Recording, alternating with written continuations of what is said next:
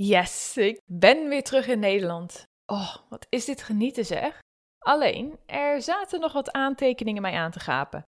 In augustus waren Arne en ik op de Galapagos-eilanden. De eilandengroep van Ecuador, die ken je misschien wel als de inspiratieplek van Charles Darwin voor zijn welbekende evolutietheorie. Onderhand is deze plek ook een grote toeristische pleister. En niet zo gek ook, want het is echt een waar natuurwonder. Dus, ik pak even mijn notities erbij en neem je mee naar de Galapagos-eilanden. Want wat zij doen is best wel bijzonder. Wat kunnen wij van ze leren en wat juist niet? Test, test is sustainability. Woo! Allereerst even wat feitjes. Waarom zijn de Galapagos-eilanden zo bijzonder? Het is een levend laboratorium. Charles Darwin vond dat ook toen hij in 1835 voor een kleine vijf weken, I know, ik dacht ook meer, onderzoek deed naar de bijzondere dieren op het eiland. Dit onderzoek werd de basis van zijn boek over de evolutietheorie. En de Galapagos-eilanden zijn nog steeds een go-to plek voor onderzoekers. Op dit eiland vind je namelijk dier- en plantensoorten die nergens anders in de wereld voorkomen. Deze wezens hebben zich in de loop der jaren volledig aangepast aan de bijzondere vulkanische landschappen waaruit het eiland bestaat. Zo zie je zelfs al verschillen in hetzelfde diersoort op de verschillende eilanden. Bijzonder toch? In 1979 werden de Galapagos-eilanden werelds eerste UNESCO-werelderfgoedlocatie. En werden zowel de eilanden als het marine leven daaromheen in 1998 door de Ecuadoriaanse overheid in bescherming genomen. Nou, ik heb tien dagen op het eiland gespendeerd, met name op het grootste eiland Santa Fe. Er was een mogelijkheid om ook naar andere eilanden te gaan, maar daarvoor moest ik een paar uur op een boot zitten. En geloof me, maag zit in mijn neus als ik er weer aan terugdenk. Dus ik dacht, ik skip het even, hou het lekker op het grootste eiland waar genoeg te beleven was. Dus, wat viel mij op? Het eiland is inderdaad grotendeels groen en een bron van leven. De wilde dieren hebben weinig angst voor mensen. Ze worden beschermd en dat is te merken aan hun gedrag.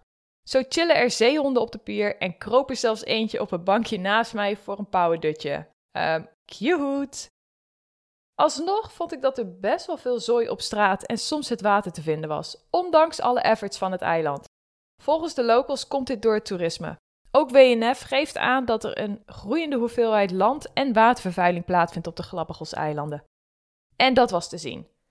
Bij lange laan niet zoveel vervuiling als op Ecuadorse mainland, maar voor een beschermd gebied vond ik het chockerend hoeveel afval er nog te vinden was hier en daar.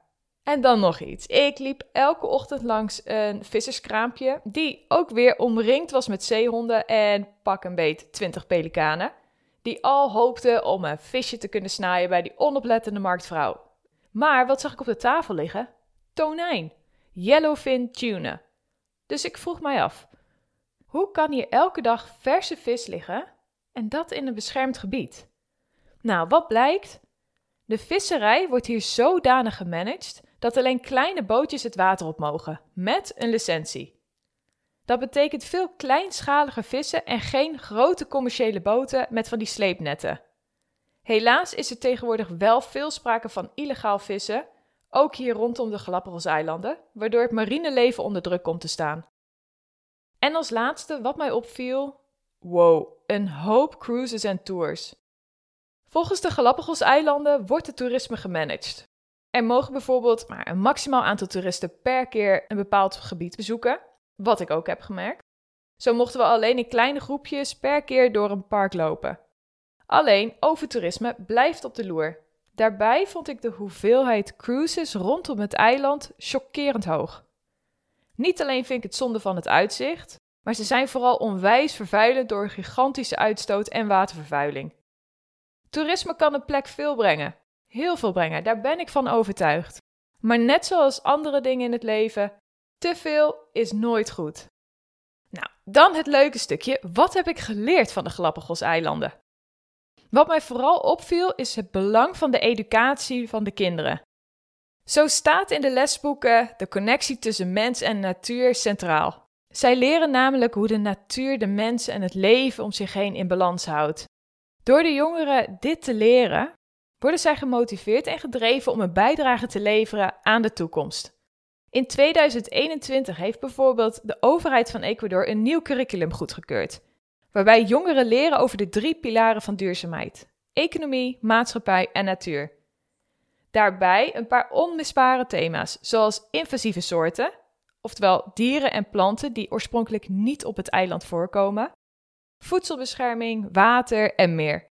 Zo groeien de kinderen op met de vanzelfsprekendheid dat je afval gewoon in je zak mee naar huis neemt, want het hoort niet thuis in de natuur. Nummer 2. We kunnen bijna uitgestorven soorten weer tot leven brengen met de juiste zorg en aandacht. Zo stonden verschillende reuze schildpadsoorten op uitsterven door de hongerige walvisjagers begin 19e eeuw. Daarna werden er honden en geiten meegenomen van het vasteland naar het eiland, die de eieren en het eten van de schildpadden wegsnoepten. Daardoor was er niet veel meer over voor onze grote jongens van gemiddeld 1,5 meter lang en 250 kilo zwaar. Met dank aan een grote focus op het terugbrengen van deze dieren groeien 9 van de 11 schildpadsoorten weer in grote aantallen op het eiland. Ik heb ze in vrijheid zien rondschokken over het eiland en heb een fokcentra met duizenden babyschildpadjes bezocht. Prachtig om te zien hoe de oorspronkelijke bewoners weer tot leven worden gebracht. Wat een voorbeeld hoe wij onze eigen schade weer kunnen herstellen. Nummer 3. Als we teruggaan naar de basis, kunnen we een ecosysteem in balans houden. Of in sommige gevallen zelfs herstellen. Kijk bijvoorbeeld naar de legale vissers rondom de Galapagos-eilanden.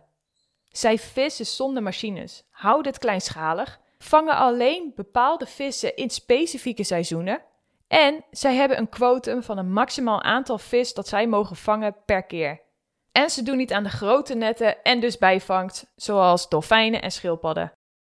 Door deze manier van werken in harmonie met de natuur schaden zij niet het onderwater-ecosysteem. Nummer 4. Wilde dieren zijn niet onze vijand. Oké, correctie. Haaien zijn niet mijn vijand. In ieder geval niet meer. Met toch wel een behoorlijke kriebel in de buik besloot ik namelijk mijn grootste angst onder ogen te komen. Toen ik 11 jaar oud was, keek ik met een groepje vrienden en een zeer stoere houding de film Deep Blue Sea, waar de personages één voor één werden verslonden door de bloeddorstige haaien. Sindsdien was mijn stoere houding volledig verdwenen en ik durfde nog amper in het open water te zwemmen. Zelfs in een meertje ging ik niet verder dan heupdiepte. De angst voor haaien is altijd wel gebleven, maar mijn fascinatie groeide. Haaien bewegen zo prachtig op tv en zijn onmisbaar onder water. En ja, ja, de Galapagos-eilanden was wel dé plek om ze te bezoeken. Samen met Arjen deed ik mijn duikpak aan en ging ik 25 meter onder water, waar ik mij op een gegeven moment omringd vond met, hou je vast, 100, hebt 100 hamerhaaien.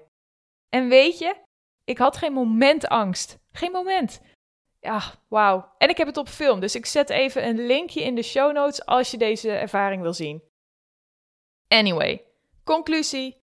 De Galapagos-eilanden zijn een prachtig natuurwonder. Laten we dat vooral zo houden. En met deze laatste reisupdate hoop ik dat je hebt genoten van mijn Zuid-Amerikaanse ontdekkingen het afgelopen jaar. Binnenkort deel ik nog een aflevering met mijn grootste lessen na 12 maanden backpacken. Dus houd die goed in de gaten. Vergeet ook niet mij op Instagram te volgen om te zien hoe ik weer vanaf nul mijn leven in Nederland aan het opbouwen ben. Denk bijvoorbeeld tiny house, capsule kledingcloset, moestuintje, mijn plantaardige fit girl avonturen en nog veel meer. Tot de volgende aflevering. Test, test.